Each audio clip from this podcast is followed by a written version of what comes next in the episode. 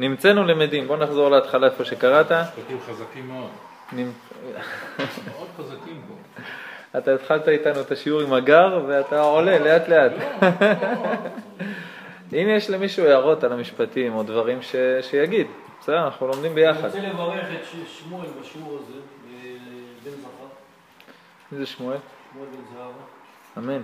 דיברת אותו כבר הרבה פעמים בטלפון. אה, זהו. זה היום. אנשים יקרים, זכות התורה תעמוד באדם, בעזרת השם. נמצאנו למדים כי עיקר מציאות האדם בעולם הזה הוא רק לקיים מצוות ולעבוד ולעמוד בניסיון. והנאות העולם הן ראוי שיהיו לו אלא לעזר ולסיוע בלבד. אחרי זה כתוב פה לא ליהנות, או שכתוב שמותר ליהנות. מותר ליהנות במידה, לא? הנאות העולם אין ראוי שיהיו לו אלא לעזר ולסיוע בלבד. לשיהיה לו נחת רוח ויישוב דעת למען יוכל לפנות ליבו אל העבודה הזאת המוטלת? עליו.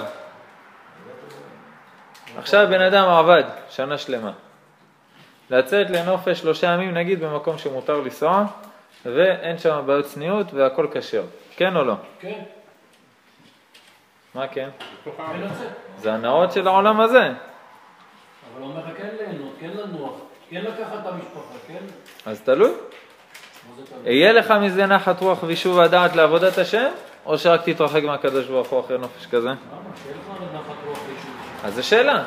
זאת אומרת עכשיו הבן אדם רוצה לצאת לנופש, או שאשתו מנדנדת לו, בוא נצא לנופש, אז השיקול הוא לא אם זה טיסה ישירה או לא וכמה דולר זה יעלה לו, השיקול הוא זה יעזור לנו, זה ייתן לנו נחת רוח לעבודת השם, אפ. אפילו לא עבודת השם, מחילה, אפילו נחת רוח בלבד.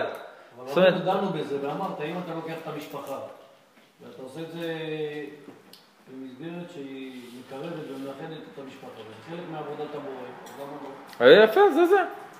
שיהיה לך נחת רוח, קודם כל. עזוב, עוד מעט נגיע ליישוב הדעת לעבודת השם, אבל קודם כל שיהיה לך נחת רוח, זה הדבר הכי חשוב היום. היום המחלת נפש מספר אחת בעולם זה דיכאון.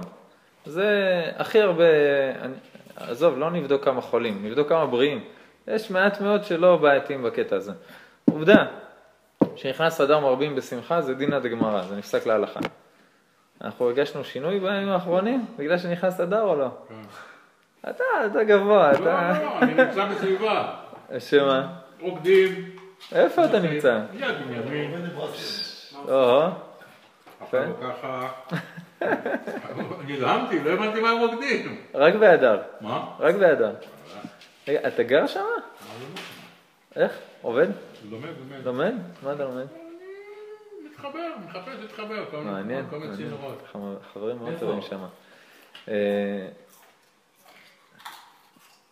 מה איתכם? הרגשתם שינוי? חודש אדר? כן, לא. יצאה השמש בדרום, היא פשוט לא מפסיקה לצאת. היא מתחממת מיום ליום. עוד מעט תראה אותי כמו הסודני. אה, אנחנו בבעיה בקטע של השמחה. אה, כן, האובך גם מוריד לך את המצב רוח. אנחנו בבעיה, בעיה אמיתית. זה לא שאתה קם כל בוקר ורוקד. בוא נגיד, חוץ ממנו. לא, לא, מהסביבה. בן פורת יוסף, בן פורת אלוהים. בעזרת השם, שכולנו נ- נרקוד כל יום, לא רק באדר. ממעטים בשמחה זה אומר שאתה בשמחה כל השנה, כן? זה... אני בשמחה כל השנה. אתה בסדר, אני סתם מסתכל עליך כי אתה הכי קרוב. איך החסידים אומרים, כשנכנס אב ממעטים בשמחה זה עם סימן שאלה. כאילו, איך אתה יכול למעט בשמחה? כי זה ה stand by, זה שמחה, רק אם ממעטין או מרבין, אבל ה stand, איפה אתה ואיפה שמחה? הרי יש הלכות ברורות בשולחן ערוך וברמב"ם ובגמרא. אין עומדים להתפלל לא מתוך עצבות ולא מתוך עצלות ולא מתוך זה, אלא מתוך שמחה של מצווה. איפה אתה מגיע לתפילה בשמחה, או שאתה ככה נכנס, אני משתלב כזה באיזה אשרוש ונגמר אחרי עשר דקות והלאה, ממשיך את היום. זה, זה, זה, הסדר יום הוא אחרת לגמרי, אז אפילו בשביל הנחת רוח הזה, ושיהיה לו נחת רוח ויישוב הדעת, כבר אם יש הנאה בעולם שהיא מותרת, והיא במידה, ואתה לא נמשך אחריה, אתה בוחר עכשיו, אני צריך איזה משהו בשביל שיהיה נחת רוח. לא יודע מה, קח את הרב כדורי, עישן, מקטרת, סיגריה, לא יודע מה. אז אה, כל הסיפורים סביב שעושים זה ייחודים ושזה לא פגע לו בראש, זה סניף אחר. לעניין הקטע עכשיו, למה אתה מעשן? הוא אומר, זה עושה לי נחת רוח בעבודת השם. אני עכשיו יכול לכוון יותר. הבבא סאלי עכשיו מוזג לך כוס ערק. למה? לא בגלל שאני שיכור ויש לי, אה, אני מצורף לאיזה קבוצה של אלכוהוליסטים אנונימיים. בשביל שזה ייתן לי נחת רוח בעבודת השם, שמחה.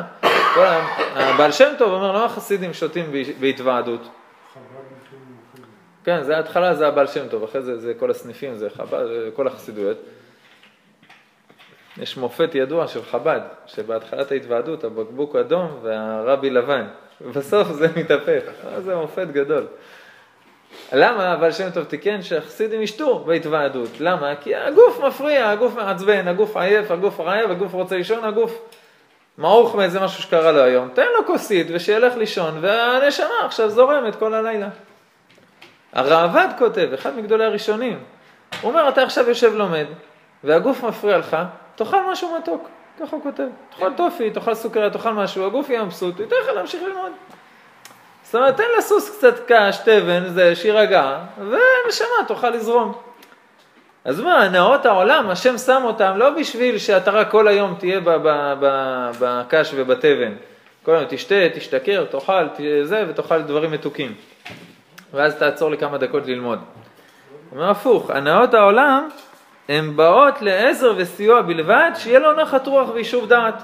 למה אני אוכל לפנות ליבו אל העבודה הזאת המוטלת עליו. אז זה השיקול לפני כל דבר של הנאות העולם. זה ייתן לי נחת רוח, יעשה, כמו שאמרת אחרי זה, יחבר את המשפחה כולם ביחד, זה מצווה גדולה, מצווה מאוד גדולה. הפוסקים כותבים שלבקר את המשפחה זה מצווה.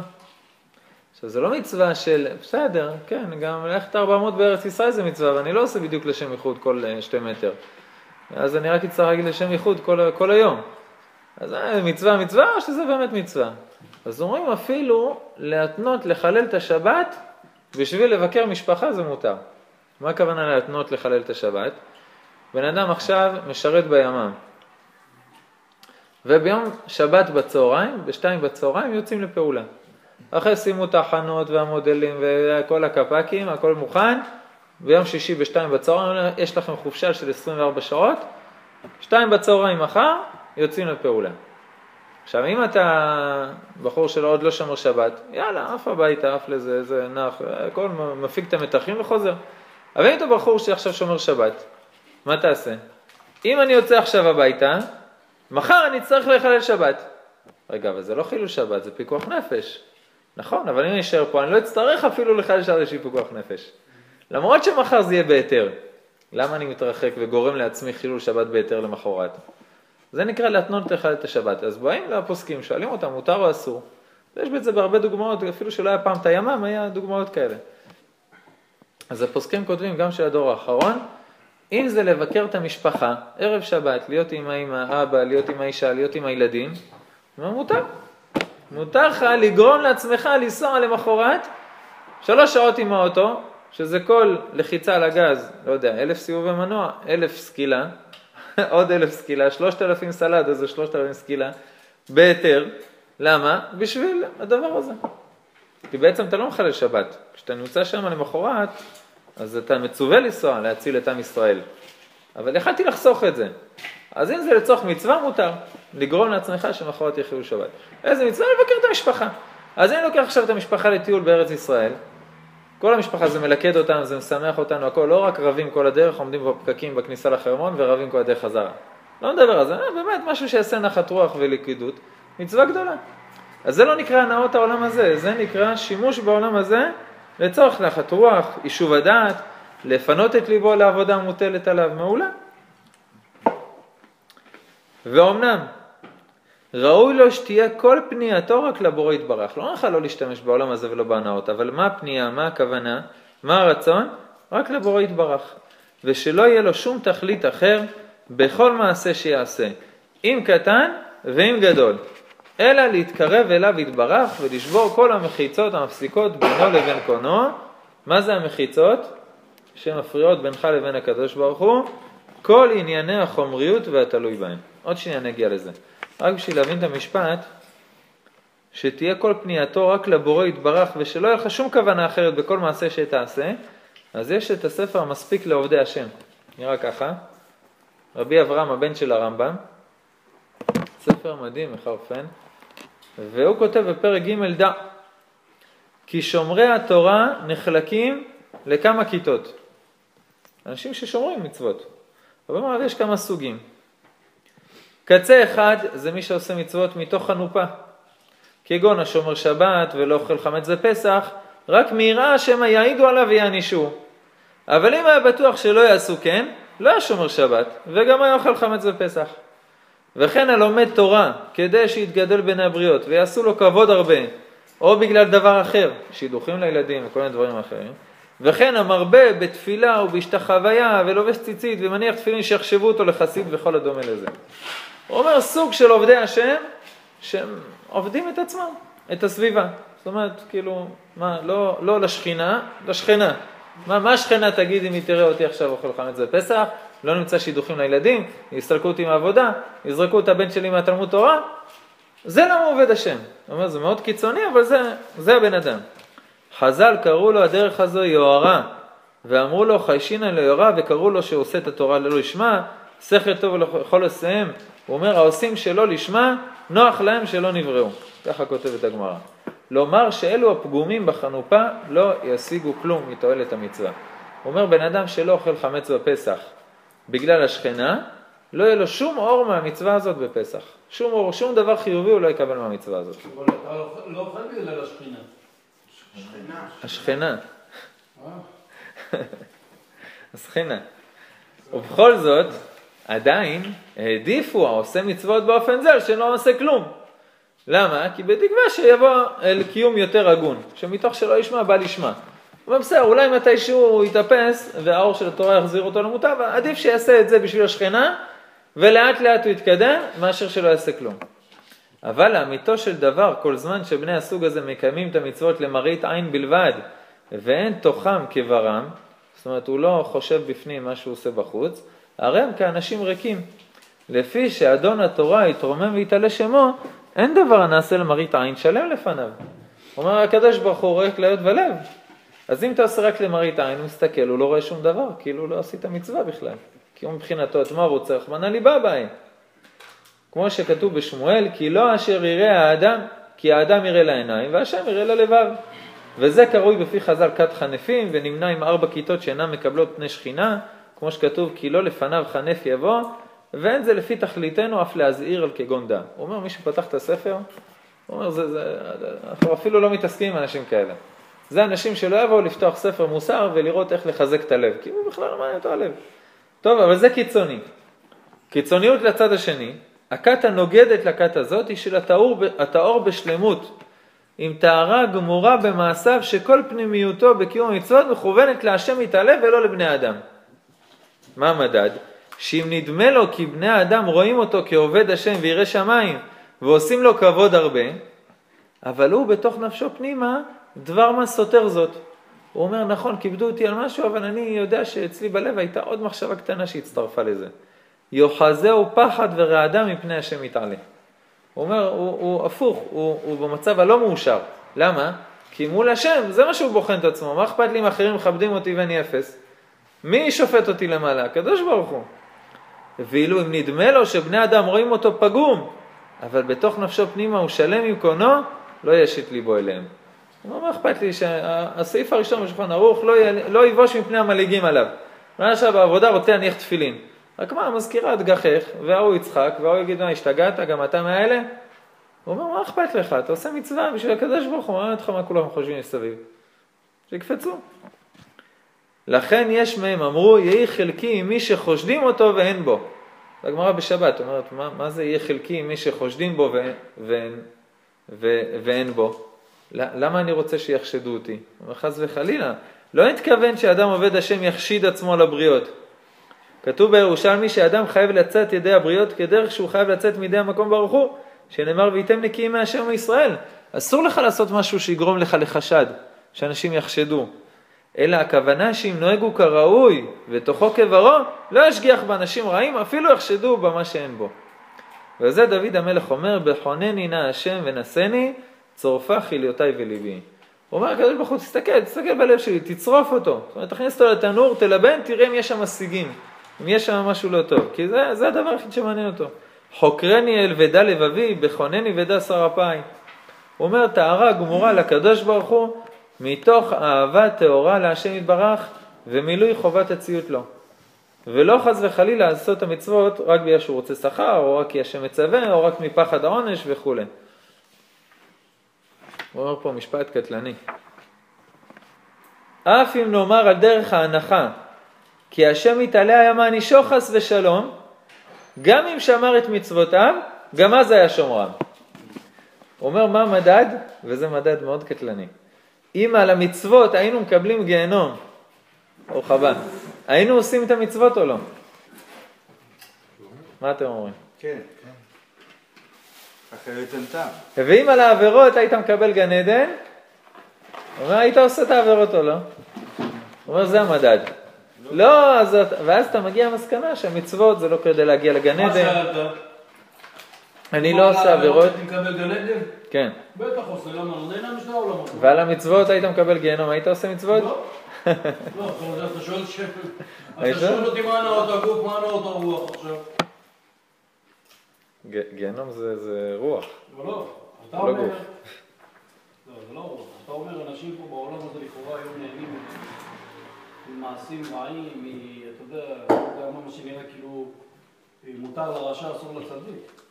כי בעולם הבא כנראה שרוף לצורך העניין. גם לרשע זה אסור משם. לא, אני... לא, לא, זה חייב אני להיות לוקח ברור. מה שבעבר אמרת באיזושהי צורה. לא. עכשיו מה אתה אומר לי? על העבירות תקבל אה, גן עדן. כן, אז אני גם נהנה פה, גם נהנה שם, מה- למה שלא אעשה? כי זה נגד רצון השם. אבל אתה עכשיו עשית מצב הפוך. נ- לא, זה עדיין לא נהפך רצון השם שתעשה עבירות. לא. לא, לא, לא, לא, לא, לא, השם רוצה שתעשה מצוות, אבל כל מצווה שתעשה אתה חוטף גיהנום. היית עושה מצוות? בן אדם למקום, בן אדם לזולת לא. בן אדם למקום אולי כן, למה לא? לא, תחשוב. מילא הפוך. אם כבר הפוך. מה, הייתי רוצה להפוך חצי מדינה לפי איך אתה מדבר. כדי לקבל גן עדן? היית עושה יותר אלוהים אבל. לא, ברצינות, ברצינות. עכשיו אומרים לך, אם תניח תפילין, תקבל גיהנום. היית מניח תפילין? אבל זה מה שהשם רוצה, השם רוצה שתניח תפילין. אז למה הוא נותן לי גיהנום? גבור מחשבותיו מעל מחשבותינו, אנחנו לא יודעים למה. אבל זה, אבל זה הנתון. שאלה קשה. באופן עקרוני, כן. הדילמה האישית שאלה קשה. ל- שאלה מאוד קשה, אבל זה הנקודת מדד. איפה אתה נמצא? כמו שאתה מצווה לקפוץ לאש שאומרים לך לעבור על ביתך, זה אותו דבר. נכון, נכון. השאלה אם אתה עושה את זה. בשמה, מה אתה מכוון? כאילו, צודק לגמרי. מה ההבדל בין. לעשות מצווה במסירות נפש. או לקבל על זה גיהנום? נכון. נכון. אז, אבל כשבן אדם תופס את השאלה הזאת, הוא אומר, וההמשך, או לא היה מענישו, גם אם עבר מצוותיו, גם אז לא היה עובר עליהם. זאת אומרת, תפוס את עצמך, תגיד, את התפילין האלה הייתי מניח, גם אם הייתי מקבל עליהם גיהנום, כן או לא? ואז אתה יודע למה אתה מניח את התפילין. בשביל גן עדן, בשביל לא להגיע לגיהנום, שלא יקרה כלום לילדים, בשביל להתקרב. לקדוש ברוך הוא, כי השם ציווה כדי לקבל אורות. אבל, אבל זאת שאלה שבן אדם יכול לעשות חשבון נפש, לשים אותה לפניו ולהבין איפה הוא נמצא. מה היה עם היהדות כל ההיסטוריה? אני לא אני לא חושב שאתה צודק. אנשים נשארו יהודים והטענו בגלל זה, ובכל זאת נשארו יהודים. מה אסור לי להגיד אה, דעה? יחזקאל, לא, זה לא ככה. זה לא ככה, אנחנו עדיין נקבל גן עדן על המצוות. אני אומר עכשיו, אתה רוצה לדעת למה אתה מניח תפילין בבוקר?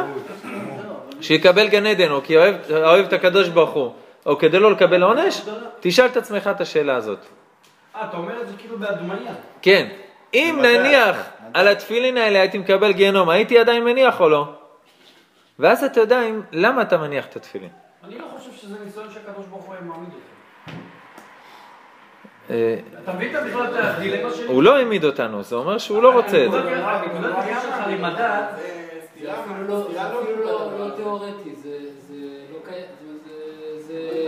הנקודת ייחוס שלך למדע, כל העולם עומד על העניין הזה. זה מאוד שונה ממסירות נפש. אני רוצה לדעת, על אה, באינקוויזיציה. זה פה לוותר על העולם הזה, אנחנו, כל התורה היא זה שה- שה- שהשכר הוא בעולם הבא. אסף, אה, לא... אסף, אתה מחשיד את עצמך עכשיו. אתה יודע למה? אני אשאל אותך שאלה פשוטה, אתה תראה שאתה לא מסכים עם עצמך. אם אתה עכשיו ישאלו אותך בשמיים, שאתה אישית חס וחלילה תרד לגיהנום, דיראון עולם, דורי דורות, כרת, שבת שלום. אבל הגאולה מגיעה במקום וכל הצרות של כל עם ישראל נפתרות. אתה מסכים או לא? בטח שכן. אה, זה- זה... אין, לא יקרה. אתה תסכים או לא? אז זה בדיוק הנקודה. זה כאילו... זה- ואם העולם היה נברא אה, מרובע, זה לא, העולם נברא ככה. אומרת, כל ה... זה-. בסוף הספר להגיד, עכשיו, אם כל מה שסיפרתי לך עד עכשיו היה לא נכון. זה- גם שאלה, אבל, אבל תענה לנו. אם מובטח למה שאמרת, כן, באמת התשובה היא כן. מה שנקרא, לא, זה לא מסתדר. אם השם אומר לך, אני צריך מתנדב שירד לגיהנום ל- ל- עד עולם, בשביל להביא את הגאולה, היית מתנדב או לא? האנשים הועמדו בפני ברירות הרבה יותר קשות. לא. כן, בהיסטוריה? אף אחד לא עמד בניסיון הזה. עמדו בניסיון של למסור את העולם הזה, אבל זה- קיבלו חינוך אלפיים שנה, ש- שהכל פה זה פרוזדור, אז מה- אז, אה, אז יש כאלו שמספיק חזקים להגיד, לא אכפת לי מהעולם הזה, אני רוצה את העולם הבא. אני אתן לך דילמה. רגע, רגע, אני אתן לך דילמה, אני מקווה שלא נגיע לזה, בעזרת השם. גרמני, דילמה אמיתית, דילמה אמיתית. גרמני פוגש יהודי עם שתי נשים ברחוב. סיפור שהיה. אחת אשתו ואחת אחותו. בסדר? והוא אומר לו, אני עכשיו הורג אחת מהן. מי זאת אשתך? עכשיו, אחותו אומרת לו, תגיד שאני אשתך. היא אומרת, אבל אני אשתו. היא אומרת, לא, אני אשתו, אני אשתו. עכשיו הוא צריך להחליט. זה הרבה יותר קשה, כי אתה מחליט על חיים של מישהו אחר, לא על הגיהנום הפרטי שלך. הרבה יותר קשה להחליט על מישהו אחר. מה היית אומר לו? אשתך או אחותך? אם אתה לא עונה, הוא הורג את שתיהם. לא יודע, בסדר. זה דילמה יותר קשה. עדיין זה לא מעמיד את כל העולם אה, לחורבן. זה, דילמה יותר קשה מהשאלה זה הקודמת. הפך זה זה זה, זאת אומרת, זה אין, זה אין עולם. אם זה לא לא מקבלים עכשיו, אין עולם. לא, לכולם יהיה עולם, חוץ ממך. אם זה, אם זה ככה, אין עולם. אין עולם בכלל. חוץ ממך יהיה לכולם. אה, לא לא, אני רק אומר, דילמות קשות יש, לא חסרות. צריך לדעת מה לענות. לא, אבל אני אומר, זה עדיין, זה לא דילמה של לבחור בין... אה, זה דילמה כי זה, כי זה מצב ש- שהבן אדם הוא לא ככה יכול לחתוך אה, בין העולם הזה לבין העולם הבא בצורה, בצורה קשה. זה קשה מאוד לעשות את זה. בשכל זה אולי, אבל להפנים את זה עד הסוף זה מאוד מאוד קשה. אז בוא נגיד שלא פה זה נפנים. משהו אחר, זה כאילו, זה, זה, זה להפנים שזה... לקחת את כל התורה כולה ולהגיד... כתוב שבגאולה, כתוב שבגאולה אליהו הנביא יעמוד על הכרמל, והאש תרד אצל הבעל, לא אצל אליהו הנביא. מה, זה לא אותו דבר? לא, למה? זה ניסיון של אמונה וזה ניסיון של אמונה, זה. לא ניסיון של אמונה, זה ניסיון של כפירה. נכון. ואם אתה מאמין או לא, אפילו שהכפירה מנצחת. עכשיו אני רואה מופת, האש יורדת אצלהם, ואליהו הנביא נשאר ככה בטטה. מה? השם הוא אלוקים או לא? או רק שמכניסים אה, גול בצד שלי? והשכר הוא בעולם הבא, ומי שעושה מצוות הולך לגן עדן. לא, אתה לא מכיר סיפורים על צדיקים זה שוויתרו? חלק לעולם הבא. אני מכיר סיפורים על צדיקים כאילו, שוויתרו על הגן עדן. מה אם זה לא יהיה נכון? אבל זה בא אם לא נכון. לא, לא, אבל אסף, אני- לא- אומר- לא אני אומר, לא אני אומר דילמות שקיימות, אני אומר דילמות שקיימות. יש סיפורים על צדיקים שוויתרו על גן עדן, ויש סיפורים על צדיקים שנכנסו לגיהנום גם. בגלל שהם בחרו. אני שואל, זה דילמה שהיא קיימת. לא יודע, הכל בסדר, אל תדאג להם, הם בסדר. אל תדאג להם. אבל הבחירה, בבחירה הם בחרו, הם בחרו להיכנס. זה, זה שאלה שהיא קיימת, שצריך, כשבן אדם עושה חשבון נפש, צריך לחשוב על שאלות כאלה. לא כי מה זה יקרה, כי זה נותן לי את המדד למה אני עובד עבודת השם, בשביל גן עדן או בשביל השם. וזה לא שזה פסול לעבוד בשביל גן עדן, אבל זה לא הרמה הכי גבוהה. אבל גם אם תגיד שאין שכר ועונש, יש רצון השם שנעשה מצוות, ונגד רצונו לעשות עבירות. כן, זה דילמה מספיק קשה נראה לי בשביל בן אדם מצוי. אין ספק. נכון? כי זה קשה לעשות מצוות וקשה להימנע אולי מעבירות. בגלל ההנאה לא שמת על המשקל אה. סיטואציות קשות מדי. אין ספק. רגע, שרון רוצה להגיד לנו משהו. לא, אה, אבל בעצם אסתר אה, הקריבה את עצמה למען העם זו ישראל. דוגמה מושלמת, לא את עצמה, את העולם הבא שלה היא גם הקריבה. כן, כאשר עבדת יורדת את העולם הבא. כן, שהיא הולכת ברצון להיבעל לגוי, היא איבדה את הכל. בסוף היא בסדר, כאילו איבדה רק את הגשמיות, לא את הרוחניות. אבל כעיקרון היא הייתה אמורה לאבד גם את הרוחניות. אל תדאג בשבילה. אבל נכון? כאשר... זה מה השם עושה עם זה. כן, אבל אם אתה בונה על השם שיציל אותך מהנס, זה לא יעבוד, כי אז אתה לא באמת מוסר את הנפש. הם באמת הסכימו לאבד. המבחן של להגיד האם אני עושה את זה באמת בשביל השם, או שאני עושה את זה בשביל השכר של ה... תוריד את כל השכר, אתה עושה את זה או לא? אומר, ככה אתה זו בוחן. שאלה גם מספיק קשה גם ככה. נכון. לקחת אותה למצב של כמעט אבסורד, לא צריך ללכת לאבסורד כדי להגיע לנקודה הזאת. כי באבסורד זה כבר הופך להיות אה, לא... בוא נגיד ככה. אם לא היה... בוא נגיד ככה, ואם השם לא ברא את העולם, אז הייתי מאמין בו? אל תענה כן או לא, אבל בוא נגיד ששנה אחרי שנה אחרי שנה אחרי שנה, התשובות אמורות להשתנות על השאלה הזאת. באחוזים, בדילמות, יותר קשה לענות, יותר קל, זה גרף שאתה אמור ל- ל- להיות בו. גם אם זה לא כן לגמרי או לא לגמרי, בסדר? זה כן נקודת מדד.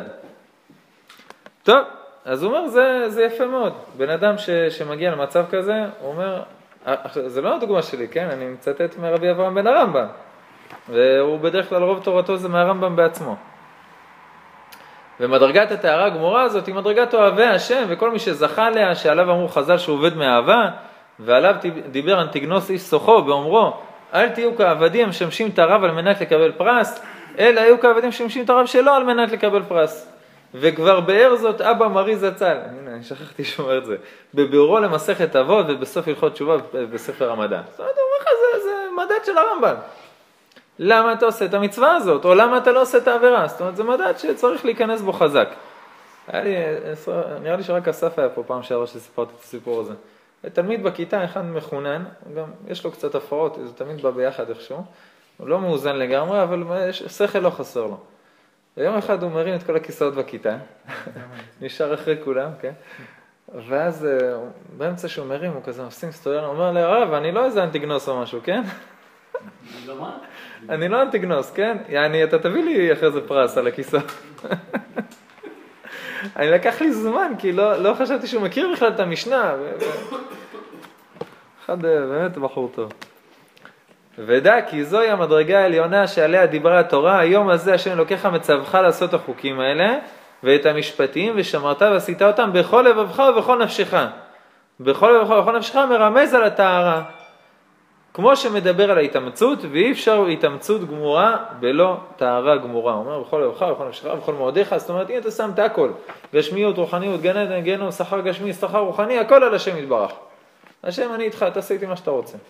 הרב קוק, איזה פורים אחד קם והתחיל לשיר, הוא אומר, לא אכפת לי גן עדן, לא אכפת לי גיהנום, אכפת לי רק השם יתברך. לא, רבי נחמן זה מופיע בשמו, לא, לא בתניא.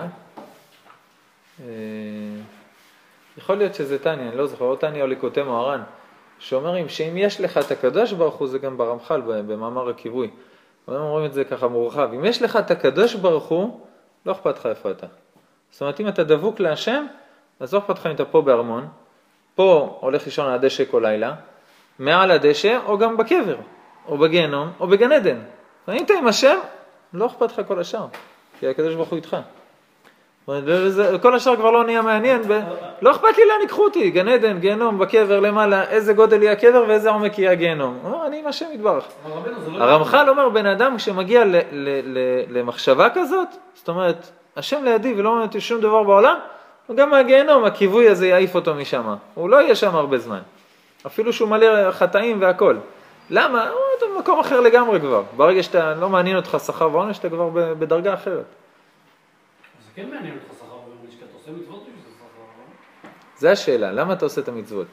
כי השם ציווה, או בשביל השכר? אז למה הוא אומר לך למען יאריכון ימיך, למען, למען? שאלה מדהימה, שאלה מדהימה, יפה מאוד. הגמרא שואלת את זה. אומרת, אין שכר ועונש בתורה, וגם התורה לא פירשה עדן וגיהנום, כדי שתעשו רק מה שאני ציוויתי. אז איך התורה בעצמה אומרת את השכר והעונש? יש על זה הרבה תשובות בראשונים. אחת מהן זה שזה לא השכר, זה על הדרך. כמו שכתוב לך שאת הקרן, ל- אה, הקרן לעולם הבא, ופה אתה אוכל את הפירות, כל המצוות שככה בהתחלה, כיבוד הורים, אה, השכמת בית הכנסת, תלמוד, תורה כנגד כולם, שאדם אוכל את הפירות בעולם הזה והקרן קיימת לעולם הבא. אז הוא אומר, כל מה שהתורה אמרה, גשם וזה וכולי, למען ירחון ימיך, זה רק הפירות. הקרן של המצווה, הקרן של המצווה זה לא יכול להיות פה, זה יכול להיות רק בעולם הבא. רציתי לשאול אותך, אתה אומר, אתה לא, כאילו לא מעניין אותך שכר ועונש. לא אותי, הוא אומר, זה המדרגה העליונה של עובדי השם. בוא ניקח את הצדיק הכי גדול, הלוואי, תיתן לי את זה בכתב שאני כזה, אני אשמור את זה חזק. בוא ניקח אותך, איפה- מה שאתה מייצר פה, ילדים, אישה, משפחה. אתה לא מתעלם מזה, מה זאת אומרת לא מעניין אותך? זה חלק מעבודת השם. בוא נשאל אתכם עוד דילמה קשה, בסדר? שהאור החיים הקדוש שואל אותה על אחת הפרשיות האחרונות. לא, לא, על יעקב אבינו. על יעקב אבינו שואל, עם יוסף הצדיק, תסתכלו שמה. אם יש לך ילד שעכשיו הקדוש ברוך הוא, אחד המקובלים, אומר לך, הילד הזה יגיע לעולם, הבטיח לך בן זכר, אבל הוא יהיה רשע. לא יחזור בתשובה. אתה רוצה את הילד הזה או לא? בטח שרוצה. הדבר היחיד שהוא יעשה כל היום זה למרוד בהשם. בטח שרוצה, קודם כל. למה? כי זה מהות הקיום שלך הפיזי, קודם כל. לא? אולי יצא ממנו אה, מישהו צדיק שיעבוד את השם, הנכד, הנין, הנין של הנין, נגיד. אולי. אומר לך הרב, לא. משה רבנו הסתכל, ויפן כה וכה, וירא כי אין איש, לא יצא מהדבר הזה שום דבר טוב עד עולם, הרג אותו במקום. בסדר? אומר, אומר לך הרב, נגיד, זו שאלה היפותטית, הקדוש ברוך הוא אמר לו, מת אתה ולא תחיה. לא, הנביא אמר לו, זהו, צווה לביתך ותמות. אחרי שהוא חזר בתשובה והתפלל והתחרט, אז... לא, אבל אחרי זה הבן שלו חזר בתשובה. אף אחד לא אמר לו שהם יהיו רשעים, וגם הבנים שלהם יהיו רשעים עד עולם. נכון. נגיד, מבטיחים לך, לא, הוא יהיה רשע גמור. תראה, מה מהות הביולוגיה, לצורך העניין, אפילו אצל הבהמות? יצור דור המשך, אני לא יודע. אומרים לך, קשה מאוד, אתה יודע, זה כמו שהדילמה שהצבת בפניו. אם היה, ואז אתה גיהנום ולא יודע מה. אבל זה, אתה מסכים בכל איתי? יהודי, אתה בעצמך אומר, בכל יהודי יש ניצוץ של... אתה אומר את זה, אני לא זוכר. אתה מסכים איתי שזה גם אם. הוא רשע גמור, יש סיכוי שיחזור בתשובה. אין לי- יכולת לראות קדימה. נכון, נכון. אתה מסכים איתי שזה שהפרות מתנהגות ככה זה לא סיבה, נכון? אני לא סיבה. אפילו זה שהבהמות רוצות המשך זה לא סיבה לעשות דברים. נגיד, נגיד, נגיד שאתה יודע שמהילד הזה לא יצא שום דבר טוב. רק רע, רע, רע, כל הדורות. תרצה את הילד הזה כן. או לא? כן. למה?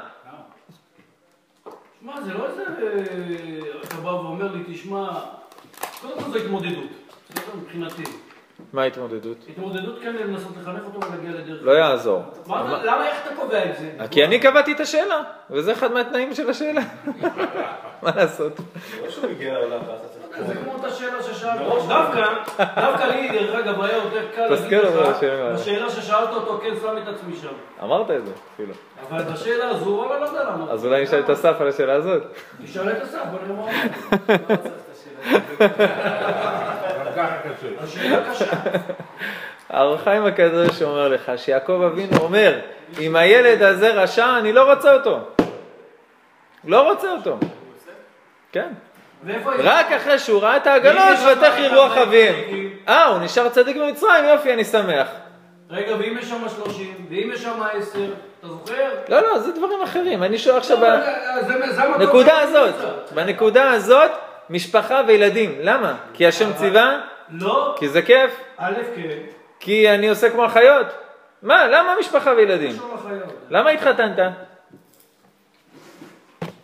זה סוג של נורמה, בסדר? א', זה סוג של נורמה שלצערי נעלמת מהעולם. ראוי לו שתהיה כל פני, פנייתו רק לבורא יתברך ושלא יהיה לו שום תכלית אחר בכל מעשה שיעשה. אם קטן ואם גדול. איפה החופה נכנסת? בקטן או בגדול? בגדול, נכון? אישה אז קל וחומר שלא יהיה בזה שום תכלית חוץ מלהשם יתברך. בחתונה. נכון? בסדר, אז אתה מייצר ילדים לאיזו מטרה? גם זה רק להשם יתברך. אז אז איך אתה יכול להחליט שהוא יהיה רשע גמור? זו השאלה שאם, בשביל, עוד פעם, אני לוקח את הנקודות הכי קיצוניות בשביל לבדוק את, הקווי גבול. זה מנוגד לחלוטין ליהדות. מה זאת אומרת? אתה צודק, אתה צודק. זה תיאורטי, בסדר? כן, עכשיו אנחנו מדברים על האידיאל, שיהיה ברור, אנחנו לא במקום הזה. אנחנו מתחתנים ומביאים ילדים וגם, לא יודע מה, הולכים לשחק כדורגל, אפילו שאנחנו לא יודעים איך זה עוזר להשם יתברך. בסדר. אבל האידיאל האידיאל, הוא אומר, מה האידיאל? שלא יהיה שום מעשה קטן או גדול שאתה לא עושה, אם זה לא קשור להשם יתברך. בסדר? בתור אידיאל זה, זה טוב? הבבא סאלי, אתה מסכים שיתנהג ככה? הבבא סאלי, אם עכשיו הוא מתחתן בגיל 90, אתה מסכים שהפנייה היחידה היא רק להשם יתברך ולא שום סיבה אחרת? אני מניח שכן. יפה, זה האידיאל, על שם אנחנו מדברים. אז הוא אומר לך, על יעקב אבינו, הוא לא שמח בזה שהודיעו לו שיוסף חי. מתי הוא שמח? שהודיעו לו שיוסף עדיין צדיק. זה מה שעניין אותו. מה יעזור לי בן רשע?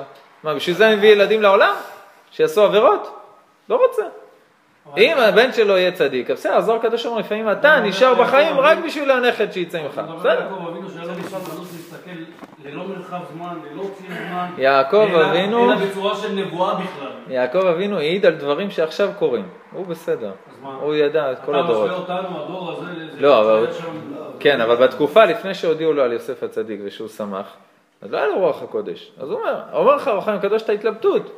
הוא אומר, בן רשע, אני לא רוצה. נו, תודה, נשאר בחיים והוא עכשיו סרסור במצרים. על זה יעקב אבינו ישמח? לא. אה, יפה.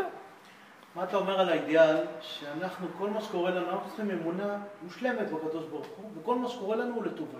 אמן.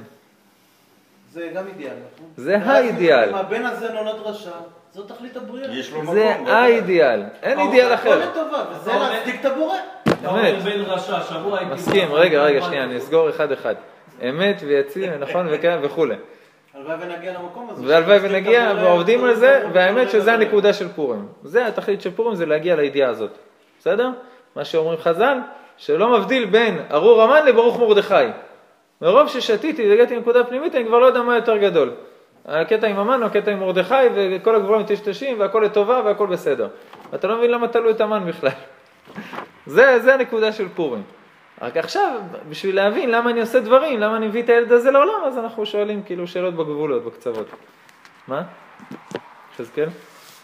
שבוע שהייתי בחנוכת בית הזאת, אז סיפר שם הרב, סיפור שאחרי מלחמת אה, העולם השנייה, היו המון הרבה, אה, אספו הרבה ילדים בבתי, נקרא? בתי יתומים. מה עם השמע ישראל? מתוכם, וכולם היו נוצרים. אז היה אחד שאמר, תשמע, יש פה הרבה יהודים. אמרו לו, איך אתה יודע? אמרנו לי, שלום, מכיר את הסיפור הזה? כן. תנו לי שלוש דקות. שלום עליכם, באו חצי מהילדים, באו אליו. לא במגינה הזאת. אז מה, אתה אומר, ילד רשע, הוא בכלל היה לו יכולת לשפוט את עצמו אם הוא יהיה רשע או יהיה זה? הוא לכאורה היה נוצרי. יש לך דברים בעבודה שאתה בודק באופן תיאורטי? תסביר. זאת אומרת, זה לא יקרה במציאות. אבל נגיד שיקרה כך וכך וכך, מה יהיה התגובות שלנו? כל- הלכת על העולם שדווקא בו אני נמצא, כל מה שאני עושה, זה אם יקרה ואם יקרה, אז התוצאה תהיה. אבל לא, לא, אם? אבל אצלך כל זה מה אם, שאנחנו עושים לכאורה אם, אם, אם. אצלך זה אם של דברים הגיוניים. מה זה אם דברים הגיוניים? אם תהיה רעידת אדמה? אתה לא כותב בתרחישים, אם ייכנס דרקון לחברה, האם הגילוי יש יפעל? אין לך תרחיש כזה, נכון? לא. למה? אז השאלה שהבנו קודם זה שאלה כזאת. זה לא אם שהולך לקרות. כל- זה כל המהות שאני נמצא בשיעורים האלה, שאני מחפש את הקטע שבין רוח לזה, שאני מחזיק, שאני מרגיש. זה העבודה שלנו בעולם. הרעיון של השיעורים פה עכשיו, בפרק שאנחנו נמצאים, מה שדיברנו היום זה הכוונה. למה אתה עושה את הדבר הזה? אתה? אומר לי, אתה נמצא שם בחר הזה בדרום, לך יכול וכל עיר, אני לא צוחק איתך. אתה אומר לי, אתה בונה את ארץ ישראל. בן גוריון לא מסכים עם המילים האלה. שלא יסכים, מה אכפת לי מה אומר. אתה אומר את מה שאתה אומר, אתה לכאורה מתעסק במצווה, ומה שאתה, וכל מה שזה, וכל התהליך האישי שעברתי שם, ובסוף אתה מגלה ש... כאילו, אני שואל את עצמי הרבה שאלות, בסדר, אני עובד שם, ואני נהנה מהקטע אפילו, אתה יודע מה קצת נהנה מזה, מתחיל להיות. אבל כאילו, אתה אומר, כאילו, בשביל מה אני צריך את כל זה? באמת, כאילו, בשביל מה אני צריך את כל הכאב ראש הזה? זה השאלות שאנחנו עושים. למה אני עושה כל דבר שאני עושה בחיים? זה מה שאנחנו מדברים עכשיו בשיעור. איפה הדבר הזה קשור לקדוש ברוך הוא? אם זה לא קשור לקדוש ברוך הוא, אל תעשה את זה. ואם זה קשור לקדוש ברוך הוא קצת, מי קובע? אתה, השכל שלך. מי קובע? מי קורא לך? בשביל מה שנתן לך שכל? הוא עשה, הוא במקרה הזה עשה לי רע, אבל זה שואל שאלות, אבל אתה יודע. במקרה הזה הוא לא, לא היה נדיב. אליהו הנביא רואה בחורצ'יק על יד הנהר ואומר לו, בחור, למה אתה לא לומד תורה? הוא אומר לו, אין לי שכל ללמוד תורה. הוא אומר לו, טוב, מה אתה עושה? הוא אומר לו, אני דייג. זה כוח סוך חכם מפורש. הוא אומר לו, אני דייג. הוא אומר, אה, באמת? איך אתה דג? הוא אומר, אני עושה רשת כזאת ורשת כזאת. הוא אומר, מה הבעיה לעשות רשת? הוא אומר, לא, זה תלוי איפה אתה דג, מים עמוקים, מים רדודים, איך אתה סוגר את הרשת, כמה קשרים אתה עושה, ו... ורק הקשרים בעצמם זה חוכמה שלמה. הוא אומר לו, וואי, זה מאוד קשה, זה מאוד צריך הרבה חוכמה. הוא אומר, כן, ברוך השם, שנתן לי שכל לדעת לעלות. בוא, בוא תלמד כפרה. בוא תקבע שיעור לדף יומי. דרך אגב, הילד הזה זה היה רבי אלעזר, הבן של רבי שמעון בר יוחאי, כן, שתבין. אז השם נותן לך שכל ודעת בשביל להחליט. הדבר הזה מרחיק אותי מהשם, קרב אותי להשם. לא יודע, תלמד עוד קצת על הדברים. תברר, תחקור, ת... אנחנו לא בהמות. ההבדל בינינו לבין בהמה זה הדעת. היא אין לה דעת, אתה יש לך דעת, תשתמש בזה. הכי גרוע זה שייתנו לך את כל הכלים, ותשב חודשיים ולא תעשה כלום עם כל הכלים שיש לך ביד. אבל יש לך הרבה אפיקורסים כאלה. אז זה, זה השאלה איך חוקרים. האם אתה חוקר מתוך אמונה, האם אתה חוקר ושואל את האנשים הנכונים, אם אתה אומר השם אני מאמין בך, רק אני לא יודע מה לעשות כאן. או שאתה חוקר בשביל להגיע למסקנות שאני, בשכל שלי, אגיע אליהם לבד. לא אומרת אם הגאונים אמרו, חז"ל אמרו, אם אני אתקע באיזה בעיה של אמונה, אז אני אומר, טוב, אז הכל לא נכון וזורק. יש אמונה, ויש את החקירות. חייב שהחקירות יהיו משקפיים של אמונה. בן אדם אומר, אני אעשה רק מה שאני במסקנות שלי מגיע. אז לפי הטעויות של השכל האנוש שלך, זה מה שהתכוון. בן אדם אומר, אני בתוך המסגרת של חז"ל, אני חוקר איפה אני נמצא. אז הוא בתוך האמונה, אז הוא בסדר גמור, אין לו מה לפחד. איך אומר הרב קוק? תחקור כאילו אין אמונה, ותאמין כאילו אין חקירות. אז צריך את הפרופסור מאוד, מאוד גדול בפיזיקה, שנכנס לרב מלובביץ'. הוא היה ממש כופר לחלוטין, אם אפשר להגיד דבר כזה על יהודי. והוא צחק על כולם, אמר, כולכם מתלהבים מהרבי חב"ד, אני אכנס, אני אעביר לו שיעור בפיזיקה. אה, ש, שיבין שהעולם עובד לפי פיזיקה ולא מהשטויות שהוא מדבר, חס וחלילה. קראו לו יחידות עם הרבי, זה עוד באותו זמן שהרבי היה ביחידות ולא דולרים ככה בזה, בריצה. נכנס אחרי שעתיים, יוצא כולו בוכה, בהלם, בשוק של הלייף. אומר לו, מה קרה? הוא אומר להם, זה שהוא ידע פי אלף יותר ממני בנושא שאני אחד המומחים בעולם, זה אני לא בשוק. זה, זה חטפתי את ההלם, אבל זה עבר לי, בסדר. הבנתי שהוא גדול בתחום שלי אפילו. אומר לו, אז ממה אתה בשוק? הוא אומר, אני בשוק שמזה שעם כל הידע שלו, כשהגענו עניינים של אמונה, הוא דיבר כמו הסבתא שלי שלא יודעת כלום, בשיא התמימות. אומר, זה, אני, אני לא מבין איך שני אלה מתיישבים באותו בן אדם. אלא להתקרב אליו יתברך ולשבור כל המחיצות המפסיקות בינו לבין קונו. תדמיין שאתה עכשיו בחדר שחילקו אותו לשתיים מחיצת גבס, עם קיר גבס, החדר שלך אין מנורות. החדר השני, חנות של אה, פלורוסנטים, בסדר? איזו אופטיקה כזאת, הכל פלורוסנטים. כמה שיותר חורים שתעשה בגבס, ככה ייכנס לאיפה שאתה, ייכנס יותר אור, בסדר? הוא אומר, אתה, המטרה שלך זה לשבור את כל המחיצות המפסיקות בינך לבין כל... והלוואי וזה היה מחיצות של גבס. מה כמה שיותר, תעשה, תתחיל לקדוח. זכית לעבוד על איזה תאווה, נתת איזה בוקס לקיר, עשית שם חור, נהיה לך יותר אור. וככה לאט לאט לאט, הצדיקים, סתם נקרא לזה בבא סאלי, אז אין קיר, הקיר נעלם, זהו, הפך אותו לעפר, לקח את כל השאריות, זה כאילו חדר אחד, הכל מלא אור, הכל בסדר גמור. אז גם הוא מקבל מהצד השני גם את כל השפע שבעולם. תגזר אומר והכל לך, הבבא סאלי אמר משהו, תקיים במקום, למה? אין מחיצות, הוא שבר הכל. הן הן הכל ענייני החומריות והתלוי בהם. מה זה הקיר גבס הזה? כל דבר חומרי שאתה מחובר אליו בטבור. זה, בלי זה אני לא יכול. זה לא מה שנקרא השטן אותך? לא, לא, לא, מדובר פה על התאוות שלך, על החומריות. יש שני דברים, יש את היצר הרע, כן, זה יוצא למלחמה על אויביך, וראית סוס ורכב. סוס זה יצר הרע, סוס מומן למלחמה. רכב זה הגוף שהנשמה רוכבת עליו. זה שתי חזיתות שונות, מה היצר הרע ומה הגוף. בסדר? יכול להיות שבבוקר קשה לך לקום, משני דברים ביחד. גם היצרה שוכב על השמיכה וגם הגוף רוצה עוד לישון, במיוחד אם קר בחוץ. יש לך פוך, אז זה חבל לצאת.